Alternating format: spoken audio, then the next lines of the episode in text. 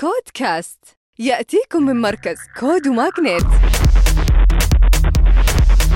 مع طارق الجاسر. ونبدأ في نشرتنا الأسبوعية، شركة باي موب المصرية للخدمات المالية جمعوا 50 مليون دولار في تمويل Series B بدعم كورا كابيتال وباي بال فينتشرز وكلاي بوينت وغيرهم من مستثمرين. هذه الشركة تمتلك العديد من طرق الدفع في السوق المصري بالإضافة إلى البطاقات المصرية التقليدية، وأطلقت طرق دفع جديدة منها محفظة الهاتف المحمول وأقساط البطاقات المصرفية وخدمات خدمات الشراء الآن والدفع لاحقا ويخططون لإطلاق بطاقات للتجار عشان يمكنونهم من خدمات الأعمال اللي هي B2B.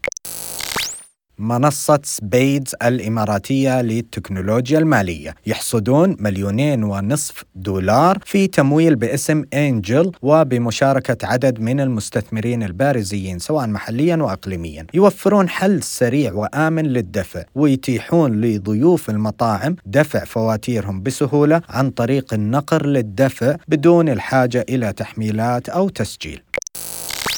أما شركة كاشو الإماراتية تحصد 10 مليون دولار في جولة تمويلية بقيادة بنك المشرق وتقوم بتقديم خدمات الشراء الآني والدفع اللاحق للعملاء في كل من دولة الإمارات والمملكة العربية السعودية. وبيقدم المشرق خدمات ومنتجات كاشو لتجارة وعملاء الخدمات المصرفية التجارية.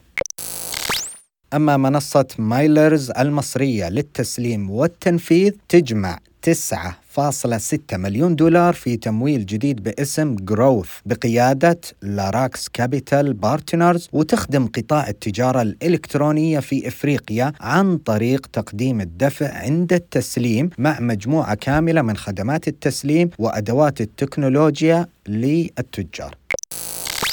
وأخيرا طيران ناس السعودي يحصل على تمويل مرابحة بقيمة 225 مليون دولار بدعم من عدد من البنوك السعودية مثل البنك العربي الوطني، مصرف الراجحي، حتى تكون الشركة أكبر شركة طيران مستقلة وناقل اقتصادي في منطقة الشرق الأوسط وشمال إفريقيا. ختاما تذكروا أن الابتكار هو أصل الريادة. كودكاست.